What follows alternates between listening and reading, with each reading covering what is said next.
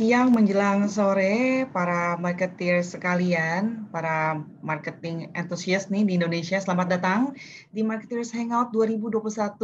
Ini merupakan ajang kedua kalinya para marketers yang mengusung tema Marketing to Entrepreneurship dengan berbagai pembicara yang kece-kece semua, yang berbagi insight dan tips seputar dunia pemasaran dan tentunya entrepreneurship terkini. Perkenalkan, nama saya Yosanova Safitri yang akan memandu sesi entrepreneurship pada kali ini. Nah, uh, sesi sesi entrepreneurship pada kali ini mungkin uh, sangat relevan sekali ya di era pandemik. Jadi istilah katanya tuh marketing tanpa entrepreneurship bagaikan masakan tanpa garam nih di era pandemik nggak mantep, nggak sedep gitu ya. Nah, di sini sudah hadir bersama kita semua narasumber yang sangat-sangat nantikan ya ini sangat spesial buat rekan-rekan sekalian untuk menjawab tantangan entrepreneurship di era pandemik uh, ini tentunya. Nah, kita sudah kedatangan Pak Yozua Makes, founder dari Pelataran Group. Namun, sebelum kita mendengarkan paparan beliau dengan uh, seksama nantinya, uh, kita simak dulu video profil Pak Yozua Makes sebagai berikut. Silakan. Yozua Makes merupakan seorang pengusaha sekaligus pengacara terkemuka Indonesia dengan pengalaman lebih dari 30 tahun di bidang keuangan perusahaan, merger dan akuisisi, pasar modal, dan hukum investasi. Lulusan terbaik dari Fakultas Hukum Universitas Indonesia ini menempuh pendidikan lanjutan di berbagai sekolah internasional ternama, seperti Universitas California, Berkeley School of Law, Asian Institute of Management Manila, Harvard Business School, dan peraih gelar doktor dari Fakultas Hukum Universitas Indonesia dan Universitas Maastricht Belanda. Semua kemampuannya itu menjadi hal penting di balik kesuksesan bisnis pelataran Indonesia. Mari kita sambut Yosua Makes, Founder and Chief Executive Officer Pelataran Indonesia.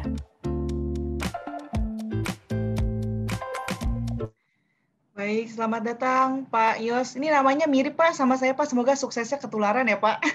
Ya, mantap. Apa kabar Pak? Lagi di mana posisi ini Pak?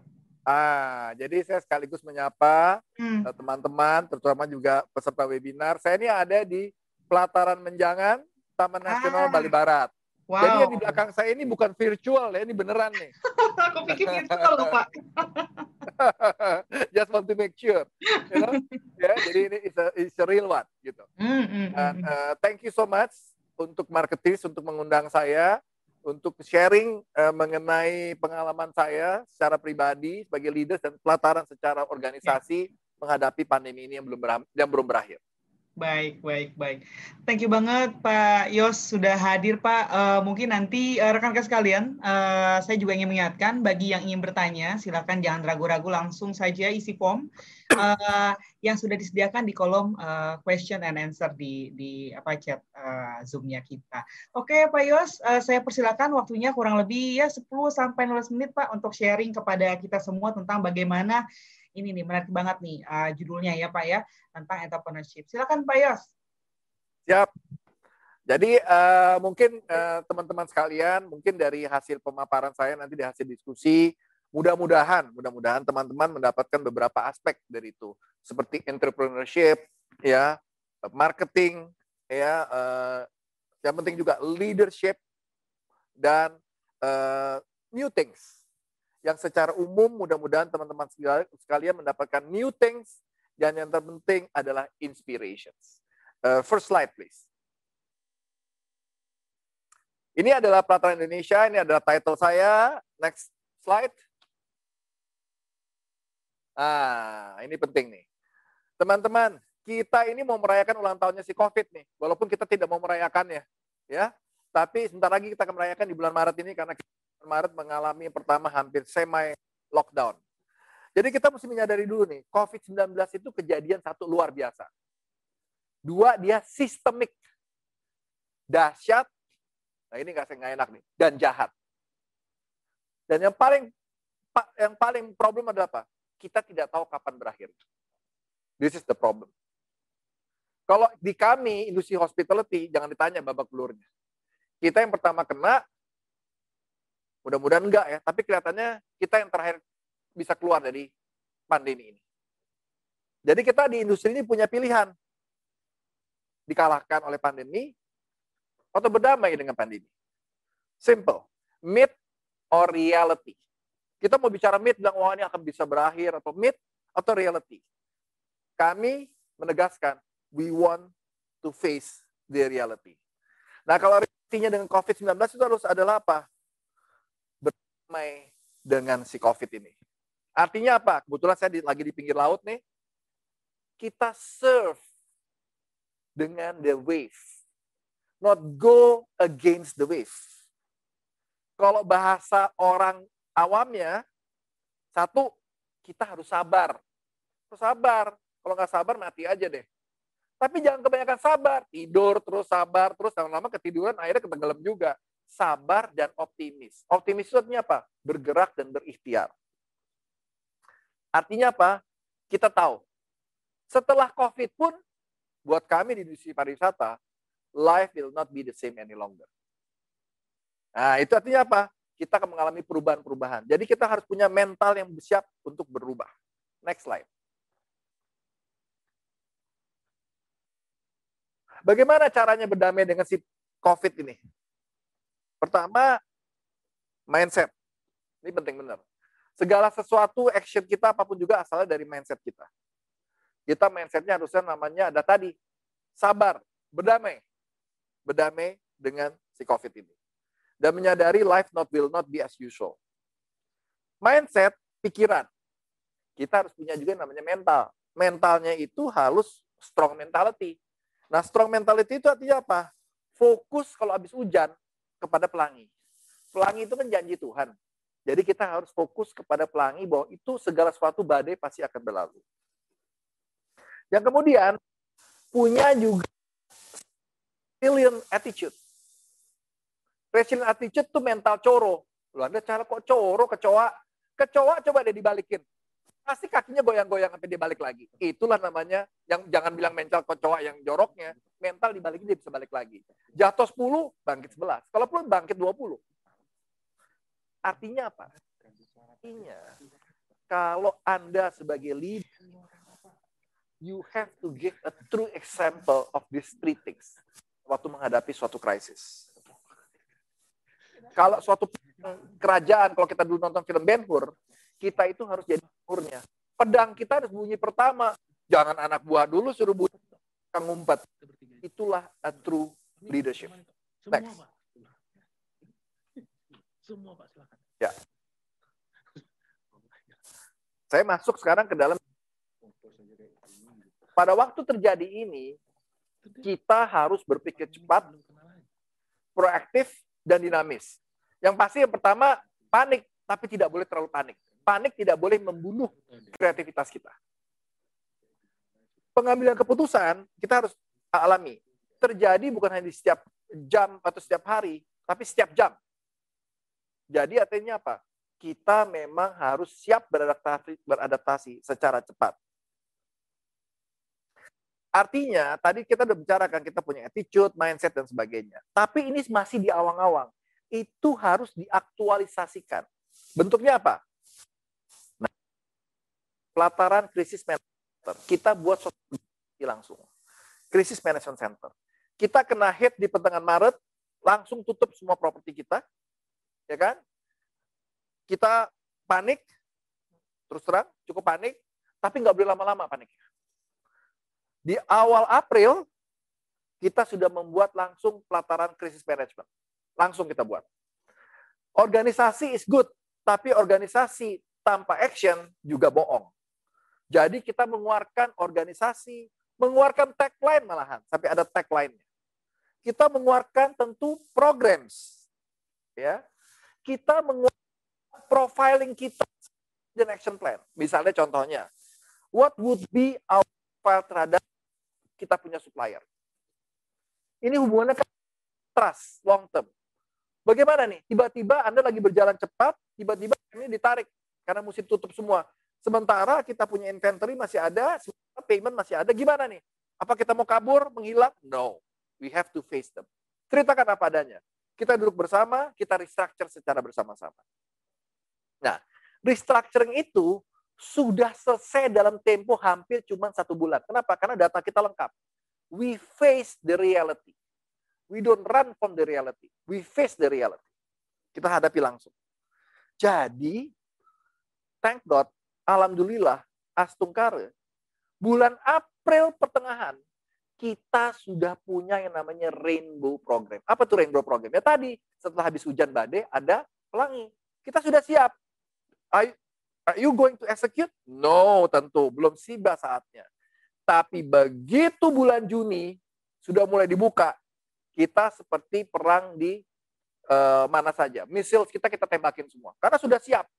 Jadi kita di bulan Juni, we are back on the market dengan new concept. Nah, jadi kalau kita lihat nih dari Pelataran Crisis Management Center ini, kita mengucap syukur pada Tuhan Yang Maha Kuasa COVID itu memberikan hikmah dan memberikan rejeki kepada pelataran. Wah pasti pada ketawa nih. Moderatornya langsung cekikikan. Kenapa bisa rejeki? Dia bilang lo bohong nih, Yosua nih. Kenapa? Karena kita bisa membaca situasi yang kebetulan Tuhan memberikan kepada kita cocok dengan bisnis model kita dan dengan jin kita. Nah, untuk ini supaya bisa lebih jelasnya, mungkin saya share satu video. Silakan.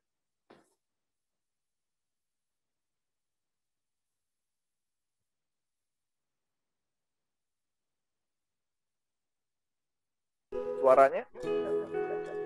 From the very beginning, Pelataran has always stood on three pillars nature, culture, and community.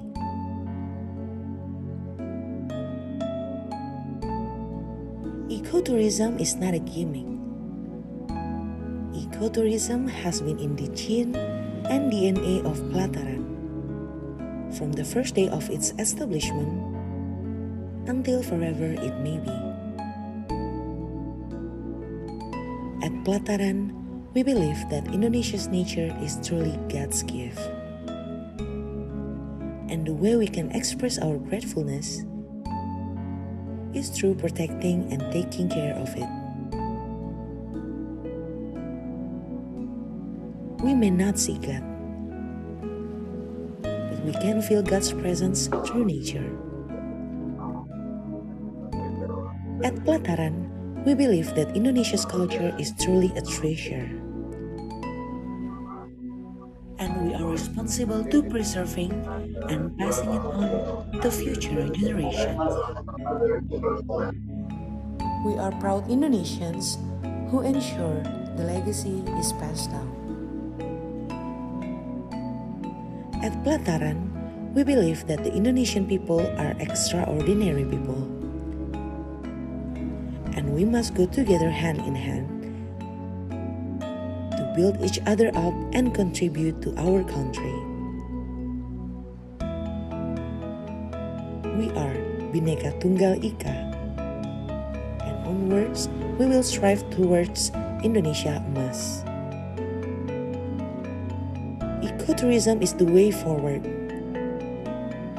Taking care of nature, preserving culture, and contributing to society. At Pelataran, we will continue to carry this on as we are proud to be responsible Indonesians.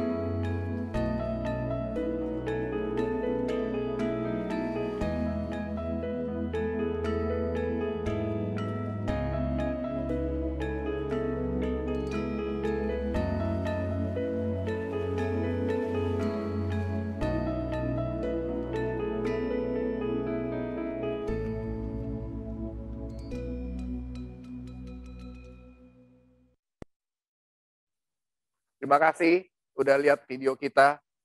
Uh, uh, saya mau sampaikan uh, hari ini ini pertama kali video ini kita launch. Dan yang disiapkan oleh seluruh putra-putri bangsa Indonesia yang ada di pelataran hanya tiga minggu. Bisa buat is in their brain, is in their gene. Begitu kecintaannya kepada Indonesia. Saya terima kasih pada tim pelataran, juga teman-teman webinar, untuk selalu mendukung produk Indonesia, mendukung tenaga kerja Indonesia, mendukung optimisme Indonesia, karena kita Indonesia hebat. Uh, saya lanjutkan lagi. Um, nah, bagaimana cara untuk uh, tetap menghasilkan produk yang unggul di kala pandemi? Tadi, produk tadi kita itu produknya sejak lahir di tahun 2009, memang dari awal memang kita ekoturism. Nah, bagaimana meng, meng, uh, meng, uh, mengkonversi kejadian pandemi ini dengan genetik kita? Nah, kita itu kita lakukan. Ya, kita lakukan melalui apa? Melalui proses tadi, eh, tadi saya katakan mindset dan sebagainya. Jadinya apa? Kreativitas harus entrepreneurial. Entrepreneurial itu artinya apa? Mengambil resiko. Ya, kegagalan adalah memang bisnis kita. Ya. Positif dan optimis. Wah, ini paling penting nih. Di masa pandemi kalau kita tidak punya positivism dan optimism berat. Proaktif dan bukan reaktif. Lihat, nanti kita sampaikan produk-produk kita. Kita berjalan menantang hal-hal yang penting adalah menari bersama gelombangnya secara proaktif, bukan menunggu sampai kita ditenggelamkan. Dan ini paling penting, hands-on leadership. Indonesia bisa maju dengan banyaknya pemimpin-pemimpin yang pakai huruf N dan bukan yang tidak pakai huruf N. Bedanya cuma kecil huruf N. Satu pemimpi, satu pemimpin. It's only an N. But hands-on leadership is pemimpin yang pakai N. Nah itu oleh karena itu kita selalu secara singkat selalu ada adaptasi, eh, inovasi, dan kolaborasi. Yang kebetulan konsep ini sejajar dengan yang dipakai oleh Kementerian pariwisata, dan ekonomi kreatif. Next. Nah, jadi dari awal berdirinya pelataran, ya uh, sebentar merangkul new normal sebelumnya. Ada sebelumnya ada sebelumnya uh, merangkul new normal. Ada satu uh, uh, slide mungkin terlewatkan. Bisa kembali ke slide sebelumnya. Oh mungkin nggak ada ya. Oke. Okay. Nah, sebentar ada satu slide itu merangkul new normal. Jadi kita tuh uh, dalam keadaan baru kita harus sadar dulu nih. Harus mengidentifikasi karena kita tidak bisa masuk ke dalam suatu suasana baru tanpa mengidentifikasi. Dan dari new, normal itu kita mengidentifikasi pariwisata adanya new normal yaitu adalah apa? Bergerak dari quantity menjadi quality tourism. Jumlahnya lebih kecil. Kedua, dari mass market menjadi regulated market. Dari more outdoor menjadi individual. Dari health conscious menjadi tight safety protocols. Dari orang yang holiday cuma di weekend atau hari libur besar menjadi daily. Uh, mereka pergi for destination. Oleh karena itu, kita selalu beradaptasi, tapi penting nih, beradaptasi tanpa meninggalkan identitas kita. That's very important. Then if you meninggalkan identitas, then you will be nobody. Karena lupa dari mana berasal. Nah, ini oleh karenanya dari awal berdirinya pelataran, kita punya fondasi yang kita kuat kualitas kita tanamkan, yaitu adalah identity. Ya, pelataran itu didirikan oleh orang yang tidak memiliki background hospitality, yaitu oleh dua orang, saya dan istri saya. Kita dua-duanya pendidik. Istri saya ngajar di sastra Prancis, saya ngajar di Fakultas Hukum. No, no experience at all hospitality. Tapi karena kita punya passion terhadap Indonesia, then we want to be a true Indonesian icon, munculnya itu adalah tiga hal, tiga kaki. Nature, culture, community. This is our identity. Very clear identity. Kalau Anda ketemu eh, teman-teman uh, bekerja di pelataran, selalu dia bilang, warga negaranya dua. Indonesia dan pelataran Indonesia. Karena gue orang Indonesia hebat. Kedua adalah integrated business model. Business modelnya juga mesti cocok memang, mau nggak mau. Kita punya yang namanya communication vessel berjana berhubungan. Kita banyak banyak tempat, ada kapal dan sebagainya. Ketiga, teamwork. Ini adalah budaya Indonesia banget. Jadi jangan bilang ini budaya barat, budaya Indonesia banget. Itu namanya adalah apa? Gotong royong. Gotong royong adalah teamwork. Dan gotong royong itu kita ciptakan dalam manusia yang luar biasa. dan dwikarsa dan dwikarya. Kita berkarsa dan berkarya. Yang kemudian adalah kita memiliki optimisme Indonesia. Yaitu adalah Rainbow, kita punya program namanya Rainbow Revival Program, RRP. Semua orang pada waktu di bulan uh, Juni, malah di bulan April kita sudah buatkan mereka uh, apa namanya di, di dada itu gambarnya rainbow. Ya, sehingga mereka langsung tahu, I'm adalah orang optimisme. Ya, next slide. Nah, ini paling penting. At the end of the day, at the end of the day, kita ini hanyalah debu. Jadi di pelataran kita percaya, our CEO is not me. Our CEO is our God. Dan God itu apa pun agamanya. Kita punya God sebagai our CEO. Oleh karena itu semua dari Tuhan kembali ke Tuhan. Aset ini, pelataran ini bukan punya kita. Aset ini adalah titipan Tuhan. Amanah dari Tuhan untuk kita jaga, untuk bekerja untuk Tuhan, negara, dan keluarga. Saya rasa itu aja saya nggak berpanjang lebar. Uh, do our best, let God do the rest. Ini adalah teman-teman kita. Thank you. Wah, asik banget ya, Pak Yos.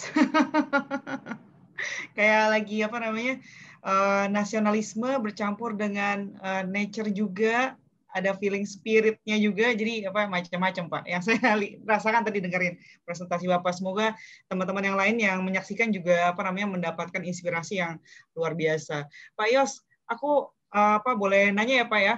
Silakan. Tadi kan uh, Pak Yos sempat sampaikan bahwa uh, entrepreneurship ini tidak tidak tidak lepas dari leadership sebenarnya. Dan uh, COVID ini yang yang bentar lagi ulang tahun ke satu ya Pak ya? Ulang tahun pertama ini uh, pasti pasti memberikan apa ya banyak uh, momen-momen pengambilan resiko-resiko yang mungkin tidak pernah terbayangkan sebelumnya, Pak. Uh, ada nggak sih Pak di di pengalaman Bapak di pelataran uh, setahun ke belakang ini resiko terbesar yang diambil oleh pelataran yang akhirnya bisa bisa mengubah resiko itu menjadi opportunity karena ada semangat optimisme. Boleh nggak Pak uh, apa namanya sharing ke kita sedikit Pak? Ya. Jadi resiko itu di pelataran itu nggak banyak. Hmm karena banyak sekali. Risikonya banyak sekali. Ya. Jadi saya rasa setiap uh, setiap uh, pemain siapa pun di musim pandemi ini mm-hmm. mengalami banyak risiko. Mm-hmm. Ada yang terukur, ada yang tidak terukur. Mm. Yang tidak terukur, di situlah seorang entrepreneurship diuji. Ah, okay. Feelingnya dan keberaniannya. Mm. Tapi di mana? Karena tidak semua keputusan menghasilkan hal yang baik kan? Nah, itu ada yang namanya business judgment rule. Nah, jadi kalau salah satu risiko yang terbesar yang kita alami adalah menentukan bisnis uh, approach strategi yang akan kita lakukan dalam program pelangi. Itu hmm. kita betting. Contohnya, contohnya, kita pada waktu menghadapi uh, pandemi, the first thing people don't want to do adalah to go out. Apalagi naik pesawat terbang. Tapi kita melihat bahwa sebenarnya orang itu orang Indonesia itu senang kumpul-kumpul. Iya. Dan orang Indonesia ini sebenarnya senang keluarga. Indonesia itu orang keluarga. So, yang pertama kita lihat adalah pemerintahan Jokowi ini sudah membuat begitu banyak jalan tol. Ah, ini kunci. Kita bilang, kunci untuk orang bisa ke resort kita bersama-sama naik mobil, satu keluarga, tidak melewati udara, naik mobil, dia bisa ke tempat kita, dan sampai di tempat kita, kita merubah konsepnya menjadi adalah pelataran your second home. Apa artinya second home? Bukan untuk liburan loh, untuk kerja, untuk sekolah. Eh kebetulan bisa sekalian yoga. Eh kebetulan bisa sekalian naik ke Candi Borobudur. That's what we are making. Sehingga pada waktu mereka ke sana, the concept is not for holiday. It's my second home. Bersama keluarga. Bapaknya bisa uh, Zoom, meeting dengan New York. Anaknya bisa buat PR. Ibunya gosipan sama teman-temannya. Pas siang dia bilang, eh, Pah, kita makan siang yuk, kita duduk yuk di beranda yuk. Sambil kita melihat pemandangan Gunung Bromo. Mantap. Nah, itu yang konsep baru. Those kind of thing untuk mengambil keputusan itu memerlukan banyak keputusan plus investasi. Karena kita mesti hmm. invest banyak untuk di safety protokolnya. Nah, pelataran ini mendapat yang terbaik untuk safety protokol. Karena orang sekarang yang paling penting tick nomor one adalah prioritas adalah apa? How safe you are in this situation. Dan kita harus memastikan bahwa kita berbuat yang paling maksimal untuk menjaga ini, termasuk memastikan setiap anggota tim kita di rutin dites secara antigen. Gitu. Hmm. Jadi memang ini ya Pak ya, uh, positioningnya itu tetap DNA-nya tetap sama, tapi ada penyampaian uh, apa ya kayak frame of reference yang berbeda yang di, disampaikan ke customer gitu ya Pak ya. Betul. Kita, Jadi kita rumahnya gitu. Betul. Seperti mm-hmm. contohnya saya tetap laki-laki, mm-hmm. tapi tahun eh, uh, 79 rambut saya gondrong. Rambut sekarang rambut saya pendek. Karena yeah umur juga udah beda, umur juga udah ini rambut segini ya beda juga kan? Boleh Pak, nah. gondrong lagi boleh kok Pak. Oh siap. baik, baik, baik. Nah Pak, tadi saya tertarik nih Pak, mungkin juga rekan-rekan di sini ada yang penasaran juga tentang program Rainbow Pak. Kan program Rainbow ini berarti eh, apa namanya program yang membangkitkan optimisme bukan cuma eh, apa namanya saya yakin pasti di di internal itu tujuan utama gitu Pak waktu awalnya itu. Tapi kan semangat ini pastinya apa ya menular ke ke seluruh uh, eksternal juga gitu Pak. Banyak mungkin ada pemegang saham, mungkin ada pihak eksternal lain. Seperti apa sih Pak program Rainbow ini bisa apa ya menjadi apa ya uh, amplifikasi gitu Pak semangatnya pelataran di era pandemik yang lalu. Seperti apa Pak? Mhm. The first issue yang kita hadapi pada waktu terjadi pandemi di bulan Maret adalah hmm. membangkitkan moral daripada tim kita. Yeah. Mereka runtuh semuanya. Bayangin aja, kita tuh lagi kenceng-kencengnya jalan. Tiba-tiba seperti naik jet coaster lagi speed tinggi, tiba-tiba rem darurat ditarik. Berhenti rem. Hmm. Mereka mengalami mental breakdown. Jadi pertama yang kita lakukan adalah tadi di bulan Maret mengidentifikasi, terus mengeluarkan program uh, Rainbow. Program Rainbow ini, ini memerlukan leadership. Apa leadershipnya? Karena kita tidak bisa hanya bilang, oh kita harus uh, apa positif dan sebagainya. Ini memerlukan mentoring. Hmm. Jadi pada waktu saat-saat itu, hampir tiap hari saya atau pimpinan itu mengadakan Zoom call kepada anggota tim. Menguatkan mereka. Dan pada waktu Zoom call, tidak boleh kameranya dimatiin. Kameranya mesti dinyalain. Kalau saya lihat ada orang yang mukanya ngantuk, saya bilang, heh, kamu baru begini aja muka kamu udah kayak udah kayak kesiram bensin. Saya bilang, ayo, saya bilang, bangkit. Tinggal dibakar ya Pak, kalau udah kesiram bensin. tinggal dibakar. Ya, tinggal dikasih korek, biar dibakar sekalian kayak tikus dibakar. Nah, jadi maksud saya adalah kita mesti bersama-sama. Kita sebagai leaders harus turun, harus hands on, memberikan semangat kepada tim semuanya bilang we will face it together. We will face it together. Nah, itu di dalam internal. Di luarnya semua orang sebenarnya merindukan adalah berita yang positif. Bayangin kan itu kan sering sekali di eh, di, di mana di sosial media kita bukan saja menghadapi berita-berita yang negatif mengenai pandemi loh, tapi ada situasi politik, situasi ekonomi. Ini semua membuat muka kita menjadi muram. We have to get out from this sebagai suatu bangsa yang besar. That's what we are doing kepada keluar. Dan itu namanya kan rainbow itu pelangi. Karena kita percaya pada setelah hujan badai, Tuhan memberikan tanda janji pelangi bahwa itu segala sesuatu akan kembali baik seperti semula. Baik, Pak. Nah, ngomong-ngomong tentang rainbow, Pak. Rainbow ini kan pastinya akan berakhir ya, Pak ya.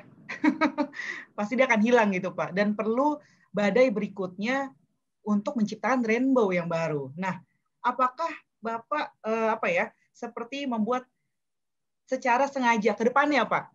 Badai lalu ada rainbow, badai ada rainbow. Jadi ada proyek, ada program berkelanjutan gitu supaya orang tetap optimis karena rainbow juga sementara gitu, Pak. Gimana, Pak, pendapatnya, Pak? Jadi rainbow itu sebenarnya adalah suatu program yang harus ada di hati. Hmm. Bagaimana caranya ada di hati? Dengan menciptakan suatu uh, uh, tagline yang simple. Hmm. Problem itu adalah vitamin buat kita untuk menjadi bertumbuh. Hmm, Kalau di Jepang itu namanya kaizen. Kaizen. Ya. Continuous improvement. Continuous improvement. Hmm. Continuous improvement itu kan apa sih? Karena banyak ketantangan. Kalau semuanya bagus, semuanya ya dia tenang-tenangnya. Tapi karena ada kompetitor, ada produk baru, ada teknologi, berbagai macam berbagai macam tantangan yang kita harus anggap itu sebagai vitamin buat kita untuk menjadi hmm. terus bertumbuh, terus menjadi baik dan menjadi aset bangsa dan negara. Jadi bersahabat dengan masalah ya Pak ya? Iya, tapi jangan terlalu bersahabat. Karena kalau bersahabat terus bermasalah ya hidup kita penuh dengan masalah. Bersahabat buat teman dekat tapi jangan terlalu dekat. Jangan kau sama itu, oh, sama masalah. Jadi uh, teman dekat tapi nggak perlu dikawinin lah ya Pak ya. Oh, Pacaran aja cukup jangan. ya. Itu jauh-jauh, itu jauh-jauh, itu jauh-jauh, jauh-jauh. Oke Pak. Nah uh, tadi Bapak menyinggung tentang kompetitor juga ya Pak ya. Jadi uh, kan uh, di era COVID ini karena semuanya tuh uh, apa waspada semua, jadi kompetitor juga apa namanya mungkin juga waspada juga gitu Pak. Nah saya ini sih Pak pengen pengen uh, mendengar uh, komen Bapak tentang kompetitor-kompetitor pelataran, mungkin yang di satu liga ataupun di liga yang bawah atau yang lebih atas, uh, yang tidak berhasil survive gitu Pak. Ada apa ya? Bukan nasihat sih, ada ini nggak Pak? Komen gitu Pak. Harusnya atau mungkin apa yang bisa membuat mereka juga bangkit gitu Pak. Karena kan untuk Indonesia sebenarnya ini semua. Kalau misalnya saya, hmm. kita bicara kompetitor di dalam satu rank ya, dalam yeah. satu uh, kita kalau mobil kan ada Formula 2, 3, Kebetulan kita kita menganggap diri kita Formula 1. Jadi kompetitor kita di Formula 1. Formula 1 mestinya itu adalah perusahaan-perusahaan atau yang sudah stable. Jadi keywordnya adalah satu, komitmen. Bagaimana komitmen shareholders dan komitmen CEOs dan pimpinan terhadap perusahaan. Karena bisa saja perusahaannya besar, ya. bisa saja apa namanya fundingnya kuat, tapi there is no commitment hmm. untuk menjaga brand dan fiduciary duty atau kepercayaan kepada kita punya tim members atau karyawan. Nah, kalau komitmen itu dijunya tidak terlalu tinggi, menurut saya ya survive karena memang kuat, tapi is not going to make basically you are not going to make a history. Mm-hmm. Jadi kuncinya adalah selalu komitmen. How's your commitment, shareholders commitment, pimpinan CEO commitment terhadap tim member bahwa mereka itu adalah kita bertanggung jawab kepada mereka bukan saja mereka bertanggung jawab pada kita, kita bertanggung jawab pada mereka. It's mm-hmm. basically it's a mutual responsibility. Nah, kalau komitmen itu ada, saya yakin, saya yakin any competitor tentu dengan bisnis model yang betul, dia pasti akan survive dan mungkin bisa lebih berhasil dari sebelumnya. Komitmen terhadap brand ya, Pak ya? Brand terhadap uh, karyawan ya, terhadap customers, itu kan semua komitmen. Ya. Karena seperti misalnya contohnya pelataran Senayan. Ya. Kita tuh invest di restoran kita dan semua hotel kita pakai HEPA. HEPA itu mahal sekali. Kita semuanya pakai HEPA. We invest a lot of that. Tapi kita bilang it's okay. Kenapa? This is our commitment to our customers. Ya, dan kalau dilihat kan Pak, eh, kita kalau ngomongin brand ya Pak, tidak jauh dari DNA-nya gitu ya Pak ya. Menurut Bapak, eh, apa yang boleh dan apa yang anti banget, nggak boleh pokoknya yang berubah dari DNA nya pelataran Indonesia, Pak? Fleksibilitasnya di, di, di mana gitu, Pak? Ya. Mungkin. Kita DNA kita terbentuk dari visi misi kita. Ya. Vision kita very simple nih. Ya. For Indonesia and Indonesians. Hmm. Kita ada di sini purpose kita karena kita ingin menjadikan Indonesia dan orang Indonesia lebih hebat bukan hanya di Indonesia tapi juga di panggung internasional. Itu kunci daripada DNA kita. Jadi spirit kita adalah seperti itu. Jadi kalau tadi teman-teman kita di pelataran bisa buat dalam waktu tiga minggu dia mesti hmm. syuting ke mana-mana, only three weeks semua akan hasil seperti itu. In their DNA, kecintaannya kepada ya Indonesia. Indonesia itu kan pelataran simple. The true Indonesian icon.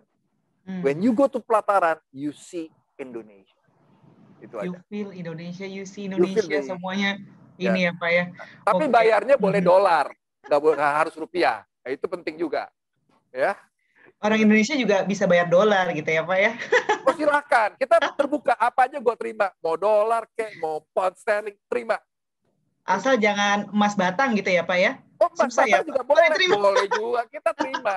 Asal jangan surat utang. Nah, oh, surat utang. Nah, Oke, nah ini Pak, uh, kalau misalnya kita perhatikan di sosial media kan banyak banget uh, apa selebgram, influencer, artis-artis ya Pak ya, yang uh, apa ya makin menginfluence orang lain untuk lebih mengenal pelataran, apalagi di era pandemi ini. Ada yang merit di pelataran, ada yang uh, kerjanya dari pelataran. Nah itu uh, dikondisikan seperti itu Pak, ada strateginya atau memang itu organik terjadi dengan sendirinya Pak? Jawabannya dua-duanya. Hmm. Organic dan basically adalah by design. Oke. Okay. Ya, organic atau kita bilang spontanitas. Mm -hmm. Karena ya memang orang Indonesia itu nature-nya ya dia pengen dia cinta sama bangsanya. Jadi mhm. begitu dia lihat produk, ini saya cerita dikit aja nih. Ya, silakan Pak. Kita pernah suatu waktu saya jalan di dalam pelataran Menteng, mungkin pernah ke pelataran Menteng. Ada suatu keluarga yang cukup uh, berat, sangat berada. Suami istri, terus mm -hmm. istrinya berdiri. Ini keluarga yang kelihatannya keluarga yang sangat established, well established. Uh, dan kebetulan keluarga ini juga ada ketua dia berdiri, dia bilang, Bapak Pak Yosua ya? Iya, CEO-nya iya. Uh, dia bilang, Pak, tempatnya luar biasa ya, makanannya tempatnya bagus. Oh terima kasih. Tapi lebih luar biasa. Apa tuh saya bilang? Kok ada ya perusahaan Indonesia bisa kayak gini? Kenapa Bu? Saya bilang. Saya tadi datang sini ternyata agak lebih cepat Pak. Jam 10 kurang seperempat. Saya mesti nunggu. Saya duduk, saya menunggu. Saya tuh tergetar hatinya pada waktu jam 10 pagi. Semua ini berdiri menyanyikan lagu Indonesia Raya. Memang kita itu di pelataran itu dimulai dengan doa, ditutup dengan doa buat agama masing-masing, dan dimulai dengan menyanyikan lagu Indonesia Raya. Jadi kita ini memang membawa, mencoba membawa merah putih sebaik-baik. Itu aja. Baik, jadi memang karena itu di, dikondisikan dan memang secara organik orang pun berasa energinya gitu ya Pak ya? Termasuk artis karena hmm. artis itu juga manusia Indonesia. Dan mereka juga ingin menyatakan juga bahwa inilah kita produk Indonesia. Hmm. Daripada hmm. nontonnya film Korea, ya nonton film gue juga dong. Kan Indonesia. gitu. Iya, benar, benar, benar. Nah, uh, Pak, kalau misalnya kita ngomongin uh, hal yang lebih apa uh, eksekusi gitu, Pak, ada nggak sih Pak produk baru yang diciptakan pelataran di era pandemik ini yang yang sangat dibanggakan oleh orangnya pelataran gitu, Pak? Satunya itu dia tadi, karena ekoturisme uh, ini yang sangat dibanggakan produknya mm-hmm. karena di situ mm-hmm. adalah uh, kita kan bilangnya kan uh, adalah alam sahabat kita. Mm-hmm. Sekarang saya di Patra Menjangan ini kita punya program adalah a day as a ranger. Jadi orang okay. keluarga nginep di sini sama istri sama anaknya satu hari penuh dia jalan bersama-sama ranger ke hutan kita. Mm-hmm. Ini kan di hutan. Hutan kita ini 382 hektar. Dia jalan di dalam, dia rangernya cerita, ini loh ya kehidupan di hutan. Ular besar dia makan, habis itu dia mati dimakan ini then the God tells you the story of bagaimana hidup itu. Dan itu namanya adalah kita namakan adalah programnya God's Secret Courtyard. Rahasia Tuhan di dalam halamannya Tuhan. Dan itu ada di Pelataran Menjangan. Dan Pelataran Menjangan mengundang uh, para orang-orang ini untuk datang ya Pak ya ke halamannya Tuhan. Amin. Ya, silakan. Ya, betul. Wow. Uh, Pak, kalau misalnya kita uh, bicara ya Pak ya tentang uh, internal nih Pak, tentang uh, karyawan-karyawannya pelataran dan uh, segala macamnya yang ada di di organisasi, ada nggak sih Pak yang apa ya, yang uh, benar-benar jadi kisah kisah uh, spesifik gitu Pak, yang menarik untuk diceritakan, yang bisa mungkin menginspirasi teman-teman yang ada di sini yang mungkin mengalami apa ya secara organisasi itu lagi jatuh-jatuh banget gitu Pak. Ada nggak Pak kisah menarik yang bisa diceritakan kepada kami Pak semua Pak? Uh, kita menangis bersama, tertawa bersama. Hmm. Artinya begini, pandemi ini kan mengajarkan tidak ada yang namanya yang stabil. Ya. Kita bilang, oh kita mau ada proyeksi segini, besok-besok pemerintah buat pengumuman, eh kayaknya kita mau lockdown nih. Jus turun lagi. Nah, banyak karyawan begitu diumum gitu, Masya Allah. Waduh, astagfirullah Ya kan begitu. Tapi mhm. pada saat bersamaan dia bangkit bilang, kita bisa Pak. Dan I don't know ya, that's probably how how the the apa namanya uh, alam itu bekerja. Mhm. Begitu kita punya keyakinan seperti itu, kok tiba-tiba kok dia naik gitu loh. Bukan COVID yang mhm. naik, maksudnya sales kita naik gitu loh ya. Jadi saya merasa bahwa memang itu apa namanya is alam itu memang bekerja secara alami gitu ya. Jadi dan ini karyawan-karyawan kita banyak sekali mengalami seperti itu. Atau dia punya mm-hmm. rasa sentimental yang besar pada waktu kita buka di Tokyo, Jepang. Kita buka okay. di Jepang. Mm-hmm. Program itu namanya adalah Kukibarkan Merah Putih. Jadi pada waktu saya declare program itu, ada teman-teman yang matanya berkaca-kaca. Dia bilang kita akan bawa merah putih ke Jepang, bukan di, bukan di, bukan di jalan kecil loh. Kita masuk ke Shinjuku dan kita masuk di Lumine 1. Tempat yang memiliki tempat yang representatif untuk makanan Indonesia kita jual di sini. Jadi memang apa namanya uh, menangis bersama, tertawa bersama, energinya itu jadi kumpul semua ya Pak ya. Kumpul semua, campur-campur stres juga. Stres juga. Ya, macam-macam lah gitu ya. Gitu. Oke, Pak. Uh, kalau misalnya nih Pak, uh, di era COVID ini kita juga kan tidak bisa memungkiri bahwa ada customer-customer yang mungkin baru yang diakuisisi oleh pelataran. Artinya gini, mungkin yang yang tadinya tidak tidak berpikir bahwa uh, ah saya mau ke pelataran, tapi karena mungkin lihat sosial media dan segala macam ada customer-customer mungkin yang uh, akhirnya mencoba gitu Pak. Nah, uh, gimana sih Pak uh, pelataran menanggapi hal tersebut? Apakah di, dibikin produknya khusus atau mungkin kayak ada cara menikmati uh, liburan atau uh, hidup di pelataran itu gimana gitu Pak. Nah itu ada nggak sih Pak uh, untuk customer-customer yang baru? Customer yang baru ke pelataran. Jadi memang customer yang baru pun, siapa pun juga, identitas. Mm-hmm. Brand yang high end bisa memilih Hermes, bisa memilih Louis Vuitton, bisa memilih bisa memilih uh, yang macam-macam lah ya. Mm-hmm. Jadi pada waktu seorang customer ini suatu barang, dia hmm. sudah menentukan identitasnya dia. Ya. Nah, tapi kita sebagai uh, yang menawarkan jasanya, kita tidak boleh hanya stuck dengan identitas kita. Kita hmm. harus listen to the market. I see. Ini seperti apa? Hmm. Tapi identitinya tetap jangan berubah. Ya, bayangin nggak kalau tiba-tiba Hermes suatu keluarin suatu barang yang yang kita tidak pernah merasa bahwa ini ini kayaknya bukan Hermes deh, beda deh hmm, gitu. Hmm, ya, nah I think that's going to be basically sebumerang.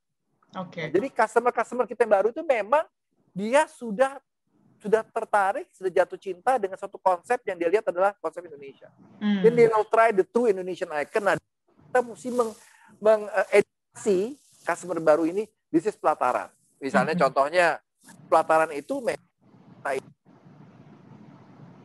dan personal brandnya. Hmm. hmm. Kan melihat di sini memang kita treatmentnya seperti itu.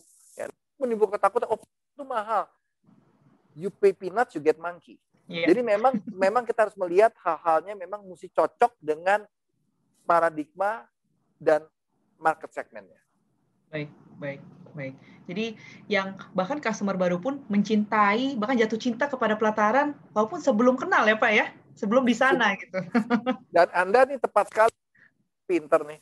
Anda tepat banget. Kadang-kadang customer kita, ini mm-hmm. beneran nih, dia cerita di tesis dia kalau mau liburan di pelataran, empat hari mau ke pelataran, bangun hmm. pagi dia bilang, gue mau udah mau berangkat. They dream to go to pelataran. Mm-hmm. They dream to go to the pelataran. Itulah pelataran. They put something bukan kayak jualan ya. sabu-sabu di tengah ini, tapi dari kepalanya dia nih gitu loh. iya pak, iya pak. Wah, jadi jadi tertarik Pak. Aduh, semoga cepat berakhir nih COVID. Pak, ini kita ada beberapa pertanyaan. Uh, saya ya. izin uh, apa namanya sampaikan ya Pak ya. Ini ada Pak Syarif Muhammad Ali dari Bank DKI. Uh, eh, beliau bertanya, uh, ini ya apa namanya cara memotivasi pelaku bisnis mikro yang terdampak pandemi. Jadi ini lebih ke arah uh, Pak Yos sebagai uh, tokoh uh, pendidik Pak di luar pelataran ini lebih besar lagi memang konteksnya Pak. Bagaimana Pak menyemangati pelaku bisnis mikro yang terdampak pandemi? Komentar okay. Bapak. Ini pertanyaannya bagus nih, karena cocok dengan filosofi kita. Filosofi pelataran itu is, adalah complementer, not competitions. Jadi pelataran itu biasanya masuk ke dalam suatu destinasi yang ada UMKM-nya. Hmm. Nah, pada waktu kita masuk, kita bilang mau UMKM nih, hey, kita masuk not to compete with you, tapi komplementer. Caranya gimana? Harga kita lebih tinggi. Jadi market segmentnya memang berbeda. Nah, pada saat kita buat itu, kita juga sekali mengedukasi mereka. Contohnya, saya nggak sebutkan satu tempat, ya. kita masuk ke dalam situ. Ada UMKM-nya banyak. Nah, biasanya kita tuh suka makan yang pokoknya yang yang enak-enak deh, nggak kelihatan. Ini tempatnya tempat jajanan makanan. Saya datang ke sana, saya lihat, oke. Okay tempat kita belum dibuka nih. Mm-hmm. Pada waktu mau dibuka, UMKM mengatakan dia resah. Wah ini ada pelataran nih, nanti kita akan habis. Saya bilang sama tim saya, coba tolong undang kami ada di saya udah tahu semua di situ, tolong ke tempat kita. Mm-hmm. Mereka datang ke tempat kita. Dia lihat saya, loh, Bapak bukannya makan kemarin tempat saya? Iya. Nah, saya bilang, pertama, bagaimana Anda bisa menjadi lebih besar lagi? Kalau saya datang ke sana, tempat Anda kotor. Hmm. Ya, karena kebersihan itu nothing to do dengan keterbatasan kita sebagai UMKM. Ya. Kebersihan itu adalah attitude mental, saya bilang. Jadi mau mau bersaing yang besar, bersaing kecil, kebersihan itu dalam tempat makan itu harus ada. Saya bilang, Anda memiliki ketopraknya tuh luar biasa. Saya makan ketoprak. Ya kan? Tetapi the way you presented di mhm. tempat itu mengakibatkan orang, ah gue malas, gue sakit perut. Padahal sebenarnya Anda itu nggak jorok, tapi Anda mesti bersama-sama teman-teman di sana untuk mengatakan, membersihkan. Malahan kalau bisa, kasih tempat untuk orang ibadah. Hmm. Ya kan? Untuk tempat kecil aja tempat orang ibadah. Nah, memotivasi mereka dalam saat yang sulit ini memang tidak gampang. Karena apa? Saat yang sulit ini. Karena memang pertama kan kita bicara dengan modal, tantangan, dan sebagainya. Tapi ini biasanya orang-orang yang UMKM ini adalah orang-orang yang sangat beriman kuat. Hmm. Nah, kita mesti masuk dari situ mengatakan bahwa Tuhan itu selalu tidak pernah memberikan cobaan lebih daripada yang kita punya. Yeah. Terus ada lagi di, di setiap kesulitan pasti ada kemudahan. Nah, jadi, jadi oleh karena itu ya Pak ya, Tuhan. Ya, jadi kita tidur. kasih dulu yang positif dulu, hmm. yang gampang dicerna oleh mereka. Terus memberikan kepada mereka baru masuk ke ilmu manajemen. Yeah. This is what you need to do. Hmm. Nah, itu hal kecil seperti itu menurut saya dan di samping itu kita juga bisa memberikan misalkan kita ada pelataran tempat yang besar, makanannya untuk driver yang ke tempat kita, kita arahkan ke mereka. Jadi adanya simbiosis mutualisme. Itu seperti hal itu mungkin kita bisa lakukan pada teman-teman UMKM. Mm-hmm. Dan uh, community itu menjadi salah satu aspek yang tiga yang penting tadi ya Pak ya untuk pelataran ya Pak ya. Betul. Kita punya mm-hmm. tiga kaki yaitu mm-hmm. alam, mm-hmm. budaya, dan community. Itu adalah part community dan bikin mereka naik kelas ya Pak ya sebenarnya dengan adanya pelataran di di area itu gitu ya Pak. Karena pariwisata adalah cerita mengenai narasi, mengenai suatu mm -hmm. cerita. Ya. Cerita itu harus dibangun dengan hidupan yang baik dengan masyarakat di mana tempat itu berada. Mm -hmm. Mm -hmm. Baik, semoga menjawab Pak Syarif Muhammad Ali dari Bank DKI. Saya menuju pertanyaan berikutnya ini dari Sevilla Akbar Ramadan. Wah, namanya keren banget nih ya. Dari Win Bandung ditujukan ke Pak ke Pak Yos. Pertanyaan adalah apa sih saran Bapak untuk brand yang baru berdiri, yang baru muncul di era pandemi dan gimana caranya bertahan melawan kompetitor yang sudah duluan menguasai pasar? Komen ya, Pak. One million dollar question. Ya, tapi intinya adalah harus punya identitas. Mm -hmm. Jangan ikut-ikutan yang satu bikin risol, bikin risol. Sama. Terus saya tanya, bedanya apa ya? Oh ini lebih murah. People sometimes don't look on the price. Mm-hmm. Apalagi semurah apa sih bisa kita buat risol itu? Gratis. bedanya ya, ya apa bedanya 5-10 persen. 5-10 persen dari harga sudah murah. Uh-huh. Doesn't make sense. You must have an identity. Dan identity adalah apa? Differentiation. Bagaimana kita mendiferensiat kita punya risol dengan risol yang lain. Jadi jangan yang gampang aja. Kalau kita buat risol, ini harganya lebih murah nih. Mm-hmm. Ya, saya bilang, saya kalau beli risol yang harganya 50 dikasih 40 ribu, mendingan saya beli 50 ribu udah ketahuan jelas. Daripada 40 ribu coba-coba, ntar isinya cabai mulu lagi semuanya. ya kan, kayak gitu loh. Jadi that's kind of the differentiation yang kita mesti mm-hmm. lakukan. Mm-hmm. Dan differentiation itu harus konsisten ya Pak ya? Harus konsisten. Harus konsisten, konsisten. yang nggak pernah boleh capek. Mm-hmm. Kreatif, create, create model baru terus, model baru terus. Jadi memang kalau jadi pengusaha itu memang nggak boleh capek. Mm-hmm. Kalau capek, cepet capek, ya itu ya duduk di pinggir pantai aja kalau duitnya udah banyak silir-silir gitu kipas-kipas gitu loh. Ya. Baik, baik. Oke, nah ini ada lagi pertanyaan Pak dari Salsabila dari Shape Agency. Nah, eh, bertanya bahwa bagaimana bersinergi untuk berbisnis dengan istri sendiri. Wah, ini menarik juga Pak pertanyaannya. Ya. Gimana Pak? Ber, berbisnis dengan istri sendiri. Ya. ya. Saya nggak merasa berbisnis dengan istri soalnya. Okay. Karena sejak saya sejak saya menikah, istri sudah menjadi bagian dari saya. Apa yang ada di dompet saya, jangan-jangan dia lebih tahu daripada saya tahu lebih dompet saya. Jadi pikiran saya adalah selalu itu adalah keterbukaan. Ya, mhm. dan berbisnis dengan istri itu adalah kita yang menjadi evilnya itu adalah ego. Oke. Okay. Ya. Karena saya sebagai kepala rumah tangga nih, laki-laki, istri yeah. bilang begini, ya udah nggak tahu mhm. apa-apa deh lo. Mm-hmm. Tahu kandung. Dan hmm. perasaan itu normal ada di setiap laki-laki. Hmm. Oke, jangan jangan takut. Kalau gue punya perasaan gini, itu nggak aneh, itu biasa. Kalau nggak punya perasaan itu justru aneh, ya kan? Tapi iya. bagaimana kita juga bisa menerima pandangan istri sebagai partner, bukan hanya Hmm. sebagai istri. Itu aja. Hmm. Sebagai partner, sebagai sahabat juga, sebagai istri juga ya Pak. ya. Jadi perannya tuh banyak ya Pak ya. Sebenarnya Oh, ya Pak ya. Dari itu untung deh punya istri, soalnya banyak perannya. Oh jadi apa teman-teman eh, maksudnya adalah marilah punya istri bagi yang belum punya istri. Oh iya, betul.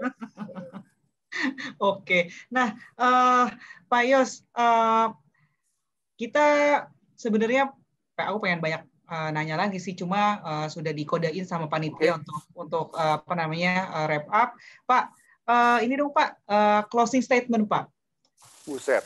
Closing statement ini Pak, tapi saya pengennya gini Pak, Eh, bukan merangkum dari yang kita bicarakan, tapi menyemangati, Menyema- menyemangati 300 lebih partisipan yang ada nih di di Zoom meeting ini supaya tetap semangat untuk istilahnya kayak COVID gelombang berikutnya nih Pak, tahun kedua nih Pak. Bagaimana Siap. Pak? Gimana Pak? Simple aja, Mhm. simple aja. Challenge is our daily business. Oke, jadi setiap hari, setiap menit ada tantangan. Nikmati saja. Challenge is our daily business. That's it. Nikmati challenge-nya itu ya Pak ya, diresapi Nikmati ya Pak challenge. ya. Tapi Nikmati, sur- Hmm. nikmati surfingnya dengan ombak yang besar itu. dan menari dengan ombaknya ya Pak ya. Menari dengan ombak. Syukur-syukur nggak tenggelam. Makanya papan surfingnya harus bagus ya Pak ya. Harus, bagus, mental ya. harus bagus. baik, baik, baik. Thank you banget Pak Yos atas waktunya. Thank you banget. Eh, sayang sekali para marketer sekalian waktu kita terbatas. Nah, eh, saya mengucapkan terima kasih kepada para partisipan, para audiens yang sudah hadir. Menarik sekali. Pribadi saya thank you banget Pak. Banyak sekali inspirasi yang yang yang saya dapatkan dan pastinya teman-teman marketers eh, semua dapatkan eh, pada sesi kali ini.